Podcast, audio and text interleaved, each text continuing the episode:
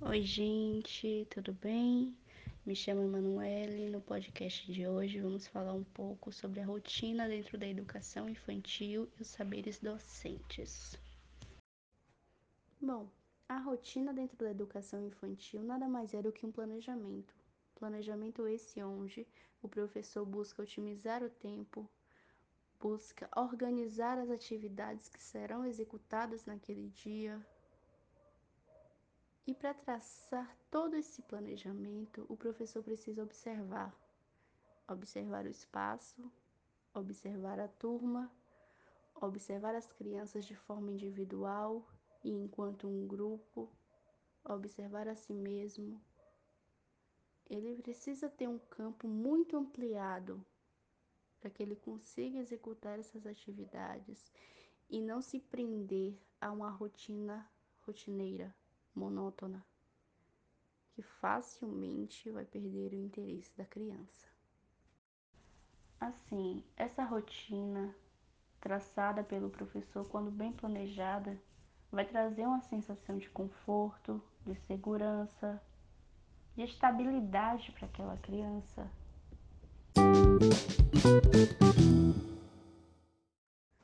Um aspecto que vale a pena ressaltar é a imposição feita por escolas privadas, creches municipais, públicas, em relação à rotina e o planejamento dos professores, que acaba delimitando até onde eles podem ir, que onde ele acaba não usufruindo de sua criatividade, porque está preso naquilo, está preso naquele naquela mesmice.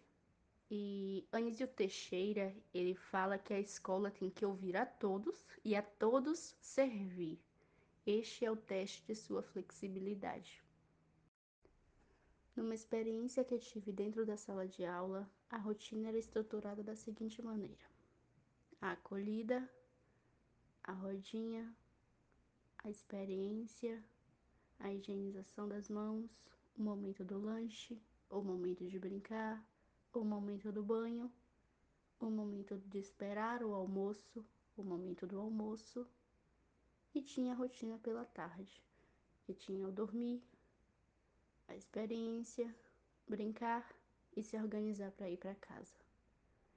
É uma rotina fixa, era uma rotina fixa que ocorria todos os dias, mas de maneira diversificada, flexível, onde poderia ter inúmeras possibilidades de executar essa rotina a acolhida poderia ser feita de inúmeras maneiras. Poderia ser na parte exterior ou interior da escola. O momento da rodinha. O momento da rodinha é tão importante para essas crianças. É o momento de ouvir, é o momento de falar, é o momento de concentração, de diálogo, expressar os sentimentos. E sim, dá para diversificar também a atividade, a experiência que muitos professores buscam e focam tanto nesse momento e esquecem os inúmeros momentos que podem ser aproveitados da mesma maneira ou até mesmo de uma forma melhor.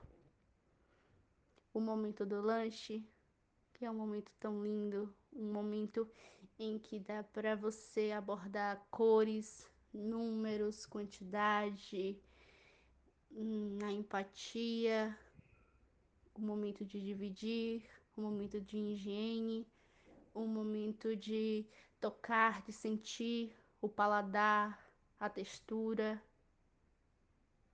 A rotina, ela ela pode ser feita de acordo com a criatividade, com a observação, com a análise.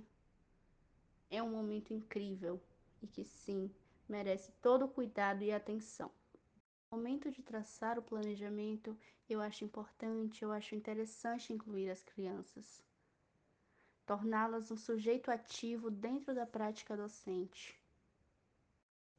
Portanto, no momento de executar, no momento de traçar, de elaborar a rotina, é muito importante refletir sobre a sua prática docente, sobre a sua metodologia, até porque a construção de conhecimento dessa criança perpassa de forma muito intensa por suas ações em relação a ela.